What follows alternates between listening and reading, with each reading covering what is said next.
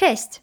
Ja nazywam się Sylwia Tomaszewska, a Ty słuchasz Ogarniam się podcastu, w którym opowiadam, jak ogarniam zdrowy styl życia, intuicyjne odżywianie, rozwój osobisty i dbanie o siebie. A to wszystko po to, by pomóc Ci uwierzyć we własne możliwości oraz zainspirować Cię do poprawy jakości Twojego życia.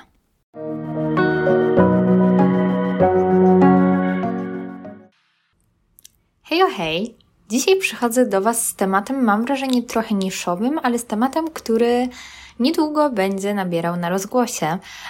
Sądzę tak po tym, dlatego że mm, na przykład w Ameryce, w USA, w Stanach, moich wymarzonych, ale może kiedyś tam zagoszczę. E, w każdym razie tam trend, nurt, ciało neutralności jest teraz dosyć powszechny i dosyć nagłaśniany, a nurt ciało pozytywności już teraz trochę mniej. W Polsce mam wrażenie, że teraz jest właśnie ten boom na ciało pozytywność, ale ta ciała neutralność też już jest coraz częściej wplatana i bardzo dobrze. Mm, jeśli chodzi o różnicę pomiędzy tymi dwoma nurtami, to może przykład jakiś tutaj podam. O, załóżmy, że masz duży nos i, i go nie lubisz okej, okay, masz duży nos, nie jest on w Twoich upodobaniach estetycznych, i ciało pozytywizm mówi Ci, że nie, no przecież Twój nos jest przepiękny, a nawet jeśli um, nie spełnia jakichś tam wymogów, kanonu i społeczeństwa, to przecież on jest Twój, on jest wyjątkowy, pokochaj to, jak on wygląda, pokochaj to, że jest duży i w ogóle cud, miód, malina. Za to całą neutralność bardziej się skupia na tym, że okej, okay, to jest Twój nos. Niezależnie od tego, jak on wygląda, on umożliwia Ci oddychanie. Dlatego bądź mu wdzięczna, doceniaj go. I to jest ta różnica też, że w ciało pozytywizmie mam wrażenie, że to jest bardziej mm, w stylu pokochaj swoje ciało, e, polub siebie, a w ciało neutralności to jest takie akceptuj, szanuj i doceniaj siebie, swoje ciało, Będę się dzisiaj tutaj skupiała bardziej na takich aspektach i też jeśli chodzi o właśnie ten kontekst fizyczności, cielesności, to warto też zaznaczyć, że utarło się, że te nurty ciało pozytywizmu, ciało neutralności są skierowane do osób raczej z obfitszymi kształtami. Ja chcę tutaj w moim podcaście wyrazić głośno i wyraźnie, że stygmatyzacja ciała dotyczy nie tylko osób otyłych, ale również osób szczupłych generalnie dotyczy moim zdaniem większości kobiet. Nie wiem, czy są jakieś takie szczęściary, które nigdy się nie spotkały z tym, że ich ciało było ocenione, czy ich waga była oceniona. I czy jest kobieta na tym świecie, która nigdy nie pomyślała sobie, hmm, może jestem za gruba, hmm, może jestem za chuda? Jeśli tak, to please zgłoś się do mnie, szukam Cię całe swoje życie. Na Instagram ogarniam się podłoga podcast, możesz napisać, tak, serdecznie zapraszam, autopromocja, tam trochę mniej więcej i, i mamy taki bardziej bezpośredni kontakt. Ale no tak wracając, chciałabym podkreślić, że szczupłe osoby też są stygmatyzowane. I niezależnie od tego, czy ktoś ma nadwagę, czy niedowagę, czy nawet prawidłową wagę, ale wygląda w jakiś sposób, to jego sylwetka może być oceniana i stygmatyzowana. Słyszy się o tym, że osoby, które mają bardziej krągłe ciała, są oceniane im schudni, ty grubasie, jak można się tak zapuścić, może byś się w końcu poruszała, mniej jedz i inne takie krzywdzące stwierdzenia, ale u osób szczupłych też pojawia się jeju, zacznij w końcu jeść, może byś przytyła, wyglądasz jak wieszak, szkielet, kościotrup i to też jest bardzo krzywdzące, także Także ciało pozytywizm i ciało neutralność swoim zasięgiem obejmuje wszystkie kobiety, nie tylko od jakiejś wagi. No i wychodzi nam z tego trochę smutny wniosek, że tak naprawdę niezależnie od tego, jak ty byś wyglądała, to i tak jesteś oceniana przez siebie, przez innych i właśnie ciało neutralność chce to podejście zmienić. I myślę, że też warto tutaj jeszcze przy okazji wtrącić coś, co już powiedziałam, na przykład o tym, że osoby otyłe często w społeczeństwie odbiera się jako osoby leniwe, osoby bez motywacji, osoby, które po prostu nie mogą się pohamować, a nie zapominajmy, że waga i wygląd bardzo często skorelowana jest z dużo bardziej poważnymi sprawami i że ten wygląd jest skutkiem. Tylko właśnie często te osoby o okrąglejszych kształtach mają też na przykład jakieś jednostki chorobowe, problemy z tarczycą, problemy z hormonami. Może na tym etapie życia zmagają się z ciężką depresją i jedyne co podtrzymuje ich przy życiu to to, że mogą sobie ulżyć na przykład poprzez obiadanie się. Jestem pewna, że osoby, które mnie słuchają, nie są z tego typu osób, które oceniałyby sylwetkę czy wygląd innych osób, ale jeśli na przykład wasi znajomi albo rodzina tak łatwo wydają te osądy, tak łatwo oceniają i krytykują, jeśli dla nich to wszystko wydaje się takie zero-jedynkowe, ktoś jest gruby, to znaczy, że jest leniwy, dużo je i nie ćwiczy, a ktoś jest chudy, to znaczy, że mało je, ćwiczy i jest zdrowy. No to, to nie jest takie proste i myślę, że warto też uświadamiać ludzi, że ta waga nie jest odbiciem charakteru człowieka. Przypomniałam sobie teraz taką sytuację, gdy kiedyś, jak chodziłam do podstawówki, moja koleżanka właśnie o trochę krąglejszych kształtach była bardzo stygmatyzowana i oceniana właśnie na podstawie tego, jak ona wygląda. Pamiętam taką sytuację, jak poszła do dietetyka i potem w szkole zapisywała w zeszyciku wszystko, co zjadła, tak skrupulatnie i zależało jej na tym, żeby zadbać o to swoje zdrowie, żeby też zrzucić kilka kilogramów, no bo nieraz słyszałam przykre komentarze w jej stronę ze względu właśnie na tę jej wagę. I mimo tych starań, mimo tego, że ona naprawdę chciała zadbać o swoje zdrowie, spotykała się z krytyką i z oceną. Więc jak ktoś wysuwa taki argument, że on zawstydza ludzi ze względu na ich wagę, bo przecież no dzięki temu, bo przecież dzięki temu i wyświadczy im przysługę, przecież dzięki temu oni będą bardziej zmotywowani do tego, żeby schudnąć, żeby ćwiczyć, żeby zdrowo się odżywiać. No ale te osoby chyba sobie nie zdają sprawy z tego, że negatywne komentarze i body shaming nie przynoszą żadnych korzyści, jeśli chodzi o utratę wagi, i to są fakty potwierdzone badaniami naukowymi. A wręcz przeciwnie, te osoby robią krzywdę, dlatego że u osób otyłych body shaming zmniejsza szanse, że zaczną ćwiczyć. Bo jeśli ten ruch kojarzy im się z tym, że będą negatywnie postrzegane, bo może gdzieś tam ta fałdka im nie tak się ułoży, albo szybciej się będą męczyły, czy odstawały gdzieś na tle klasy czy grupy, to one będą unikały tych wstydliwych dla nich sytuacji. Tym samym zmniejszając szanse, że zaczną regularnie ćwiczyć, co na przykład sprawiłoby, że ta nadwaga, ta otyłość się zmniejszy. No i kolejna sprawa. Stygmatyzacja osób z większą masą ciała zwiększa prawdopodobieństwo przejadania się. No bo przecież skoro i tak już jestem beznadziejna i gruba, to co to zmieni, że ja zjem te trzy paczki chipsów, skoro nieważne ile ja się będę trudziła, to i tak nie osiągnę żadnego efektu. I, I że niezależnie czy ja się katuję, czy ja jem zdrowo, czy jem śmieciowe jedzenie, to i tak ktoś oceni to, jak ja wyglądam, więc po prostu szukają pocieszenia w jedzeniu. I nawet jeśli to ty jesteś w takiej sytuacji, to wiesz co? Jesteś wartościowym, godnym szacunku człowiekiem i masz w sobie o wiele więcej niż ci się wydaje. Masz o wiele więcej do zaoferowania światu i swoim bliskim niż twój wygląd. Zasługujesz na akceptację niezależnie od obwodów talii czy cyferki na wadze. Zapytaj się swoich przyjaciół i swoich znajomych, za co oni cię lubią, za co oni cię cenią, co takiego w tobie kochają. Czy oni przyjaźnią się z tobą dlatego, że masz szczupłe nogi, czy dlatego, że masz fantastyczne poczucie humoru? Czy budują z tobą relacje dlatego, że przyciągasz chłopaków na miejsce, czy dlatego, że dajesz im wsparcie? Jestem pewna, że oni powiedzą o twoich cechach charakteru, że lubią to, jaką jesteś osobą, że dzięki tobie ich życie jest lepsze, ale nie dzięki twojemu wyglądowi, tylko dzięki tobie, twojej osobie. Jednym z głównych założeń ciału neutralności jest to, aby wartość człowieka łączyć z jego charakterem, a nie z jego wyglądem.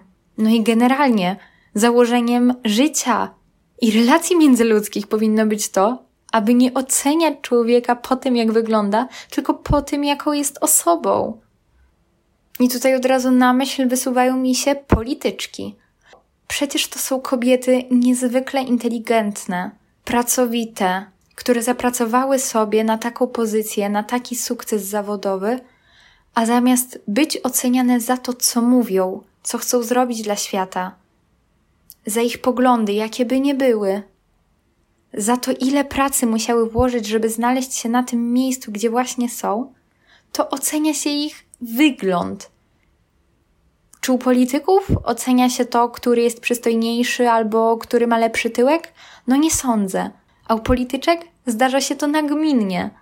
Przecież na pudelku nie znajdziecie artykułów o tym, czy poglądy danej polityczki są moralne czy niemoralne, czy one się przyczynią dla wzrostu gospodarki, czy może wniosą coś dobrego w życie ludzi, w życie dzieci, w życie zwierząt. Tylko ocenia się to, jak one wyglądają, jak się prezentują, w co się ubrały. A na świecie jest jeszcze bardzo wiele do zrobienia, bardzo wiele do zmiany. Ale trudno myśleć o stanie gospodarki, polityki czy reformie szkolnictwa, gdy tyle uwagi poświęcamy makijażowi, celulitowi, fałdkom, tym jak się prezentujemy, jak wygląda nasza fryzura. A czy nie uważasz, że dążenie, aby zmienić świat najlepsze, jest nieco ważniejsze niż to, jak wyglądamy? No i tutaj ktoś by powiedział, no dobra, ale przecież jak powie się kobiecie komplement, no to ona się poczuje pewniejsza siebie, wyrazimy nasze uznanie, powiemy jej, że jest piękna, no to na pewno ona też właśnie będzie jej pewniejsza siebie i poczuje się lepiej i będzie jej miło, no i że same zalety to przecież ma. No a właśnie nie. Takie monitorowanie ciała i ocena ciała, danie sobie prawa do tego, żeby komuś na przykład powiedzieć, że ładnie wygląda. Choć tutaj też nie popadajmy w skrajności. Przynajmniej, no ja tak uważam, że trzeba znaleźć złoty środek we wszystkim, w każdej dziedzinie życia i że takie zero-jedynkowe podejście w większości wypadków się nie sprawdza. Także jeśli na przykład wiecie, że wasza siostra układała sobie fryzurę przed imprezą przed godzinę, albo była właśnie u fryzjera i coś zmieniła i pyta się, czy ładnie mi, czy ładnie wygląda, to oczywiście, że możecie jej powiedzieć, tak, ślicznie wyglądasz. Tylko pamiętajcie, żeby te komplementy związane z wyglądem, jeśli mówicie, jeśli wyrażacie, to żeby po pierwsze nawiązywały bardziej do gustu tej osoby niż do samego jej wyglądu.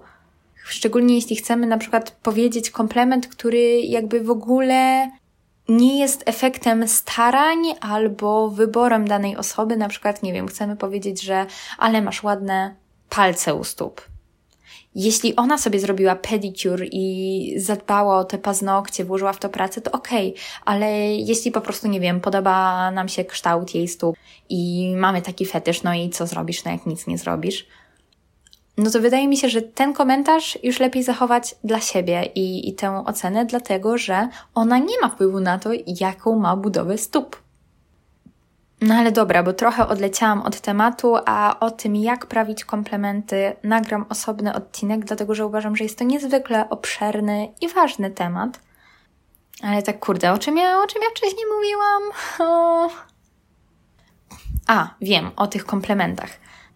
No to uwaga, uwaga! Efekty monitorowania ciała mogą być sprzeczne z naszą intuicją. Bo to, że powiecie kobiecie na przykład, że pięknie wygląda, sprawi, że ona w pierwszej chwili pomyśli sobie: O, jak mi miło, podoba mu się, podoba jej się, podoba jej się mój wygląd, mu się mój wygląd, whatever. Ale za chwilę zacznie myśleć: O kurczę, on patrzy na to, jak wyglądam. Czy ja się nie rozmazałam? Czy brzuch mi nie wystaje? Czy coś mi się nie podwinęło? A jak moja fryzura, jak moja postawa, kurczę, mogłam się wyprostować, co ja siedzę taka zgarbiona? No to po prostu nakręca lawinę myśli. I wszystko, nawet te pozytywne, zdaje się, komplementy, co sprawia, że kobieta zaczyna myśleć, myśleć o tym, jak ona wygląda, sprawia, że ta koncentracja i ten punkt widzenia skupia się właśnie na wyglądzie. I zmienia się ten pryzmat, przez który ty patrzysz na świat.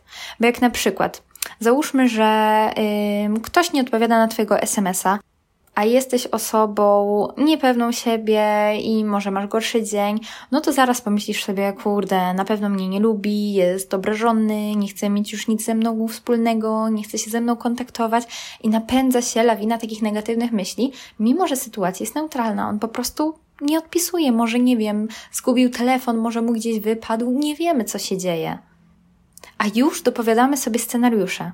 Tak samo z wyglądem. Gdy właśnie kobieta, której powiemy komplement, zacznie myśleć o tym, jak ona wygląda, to potem ktokolwiek na przykład się na nią nie spojrzy, to ona sobie już będzie myślała, że jejku, na pewno teraz ocenia to, jak ja wyglądam, na pewno patrzy się na tego pryszcza, którego mam na czole, e, patrzy się na mój duży, krzywy nos i, i skupia się na tej mojej e, sylwetce, wadze, urodzie. I te wszystkie myśli krążą wokół tego i budują takie napięcie i stres, mimo że jakby to było tylko spojrzenie może właśnie ta osoba, która się na ciebie spojrzała, nic sobie na twój temat nie pomyślała, nie ma żadnej opinii, po prostu zauważyła cię, no bo Jezu, jesteś człowiekiem, mijasz ją i tyle. I poszła sobie dalej, myśli sobie o swoim życiu i tyle. A my już dorabiamy sobie milion scenariuszy. I właśnie też w tej pracy i z tym przykładem, co powiedziałam o polityczkach, ten schemat wyglądu i to, że patrzymy przez jego pryzmat na świat, powoduje, że czasami my wiążemy z tym wyglądem jakieś sukcesy albo jakieś niepowodzenia. I to jest turbo krzywdzące, bo jeśli ty jesteś osobą, która na przykład wpasowuje się w kanon i nie wiadomo, ile byś się uczyła, jak mądra byś nie była, jak wiele byś dla tego świata zmieniła, na przykład w tym kontekście politycznym, to to jest nieważne, bo ty będziesz oceniana za to, jak się ubrałaś. No czy to nie jest krzywdzące, że taka właśnie kobieta, która nie ma wpływu na to, z jakim wyglądem się urodziła, ale załóżmy pasuje do teraźniejszych kanonów, jest uważana jako ślicznotka. No dobra, jak jest ładna, to jej posłucham może, ale w sumie to nie będę słuchał tego, co ona mówi, tylko będę patrzył na to, jak ona wygląda i tyle. Ale też z drugiej strony, no właśnie dla osób, które nie są w tym kanonie, to jest turbo krzywdzące, że one mimo, że mogą mieć tak samo ogromną wiedzę i dużo do powiedzenia, to mogą nawet nie być dopuszczone do tego świata polityczno-medialnego, dlatego że e, komuś tam nie spodobał się wygląd. I jakby nie jest ważne to, co ty masz do przekazania światu, tylko znowu to, czy ty jesteś twarzą, która się nadaje do mediów, czy nie. Czy to nie jest paradoksalne, że w sumie niezależnie, czy jesteś w tym kanonie, czy nie jesteś w tym kanonie, to jak przychodzi do oceniania wyglądu, to zawsze on tutaj przeszkadza. No dobra, może e, czasami osoby, które są w kanonie, mają w jakimś tam aspekcie ładniej, no bo e, czy ich uśmiechnie będzie dla nich milszy, może właśnie pan barista doda ci gratisowe ciasteczko do latte, czy może, czy może ktoś w klubie postawi ci drinka to okej, okay, no w takich rzeczach powiedzmy, że to jest spoko, ale z drugiej strony może właśnie ty się przez to czujesz mniej bezpieczna, bo więcej osób zwraca na ciebie uwagę i ty nie możesz sobie przejść przez miasto niezauważona, tylko po prostu banda oblechów zaraz się do ciebie śnieni. To jest temat bardzo złożony i właśnie gdy przychodzi do tego wyglądu, to wszystko ma swoje plusy i minusy.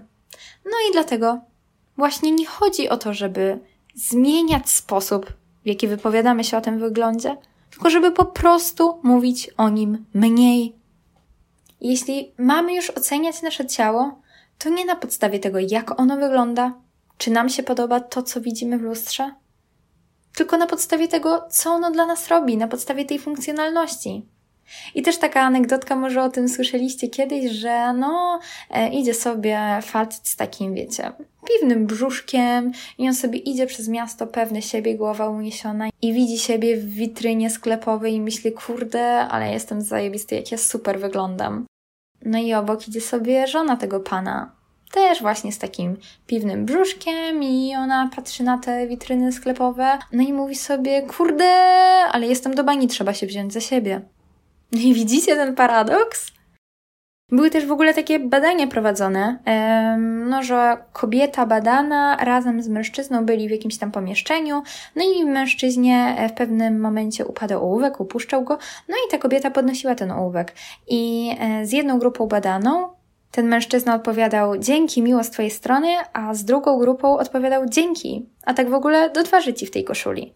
I co się potem okazało? W dalszych testach, gdzie sprawdzano poziom uprzedmiotowienia i pewność siebie, zadowolenie ze swojego ciała, to te kobiety, którym ten mężczyzna zwrócił uwagę też na ich wygląd, na to, że ładniej im w tej koszuli, miały o wiele wyższy stopień samouprzedmiotowienia, o wiele niższą pewność siebie, niższe zadowolenie ze swojego ciała i niższą koncentrację Potem powtórzono jeszcze te badania i okazało się, że niezależnie czy ten komplement jest od mężczyzny czy od kobiety, to wpływa to tak samo.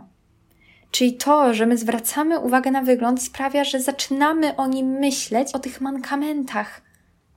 I włącza się w nas taki wewnętrzny krytyk, który nie pozwala nam na skupienie się na rzeczach ważniejszych, dlatego że zaczynamy właśnie myśleć o tym, jak ta nasza fizyczność się prezentuje. No i to jest w ogóle takie zataczające się koło, bo im ty bardziej jesteś oceniana, to tym bardziej też sama oceniasz, bo na tym koncentrujesz swoją uwagę. Także zmieńmy nasze myślenie na przykład z tego, jaka jest najładniejsza część mojego ciała, na to, że podoba mi się, że moje ciało może. Stwierdzenie typu najbardziej lubię w swoim ciele swoje nogi możemy zmienić na dzięki moim nogom mogę. Albo najatrakcyjniejsza część mnie to zmieniamy na moje ciało pozwala mi na, na to, na to i na to. Żeby skupiać się na funkcjonalności. I nawet jeśli jeszcze nie kochasz tego swojego ciała, to jest w porządku, to jest ok. Ale szanuj je i doceniaj to, co dla ciebie robi.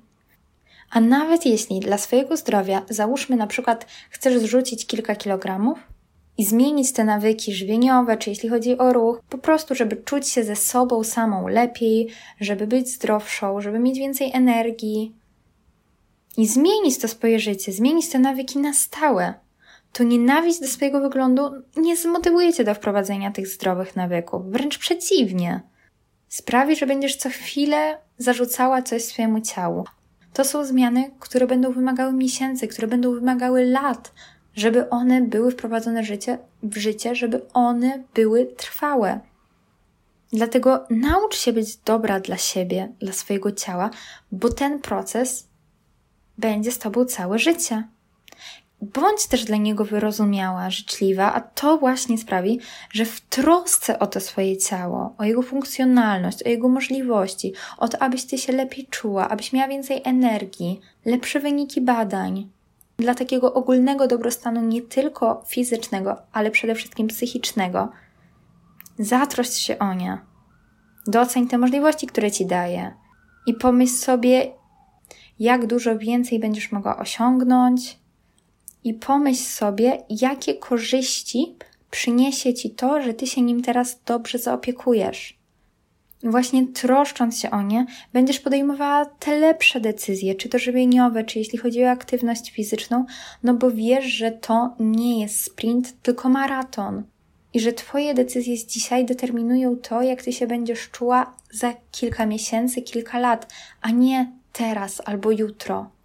I właśnie taką neutralną troską o możliwości swojego ciała, o zdrowie, jesteś w stanie wprowadzić do swojego życia trwałe, pozytywne zmiany, które będą ci służyły i dodawały sił, a nie je odbierały czy wpędzały w poczucie beznadziei i sprawiały, że czujesz się bezsilna po kolejnej nieudanej próbie odchudzania.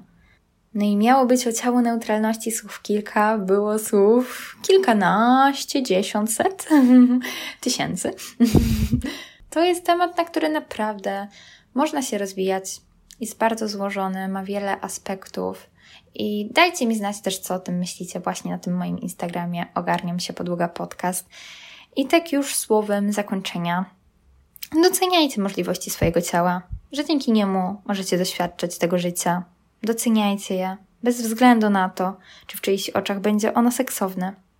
Bo to ono ma Wam służyć i ono nie jest do tego, żeby zaspokajać estetyczne upodobania innych osób, i dla każdego człowieka ta atrakcyjność jest czymś innym. Ważne, żebyś ty się dobrze czuła ze sobą.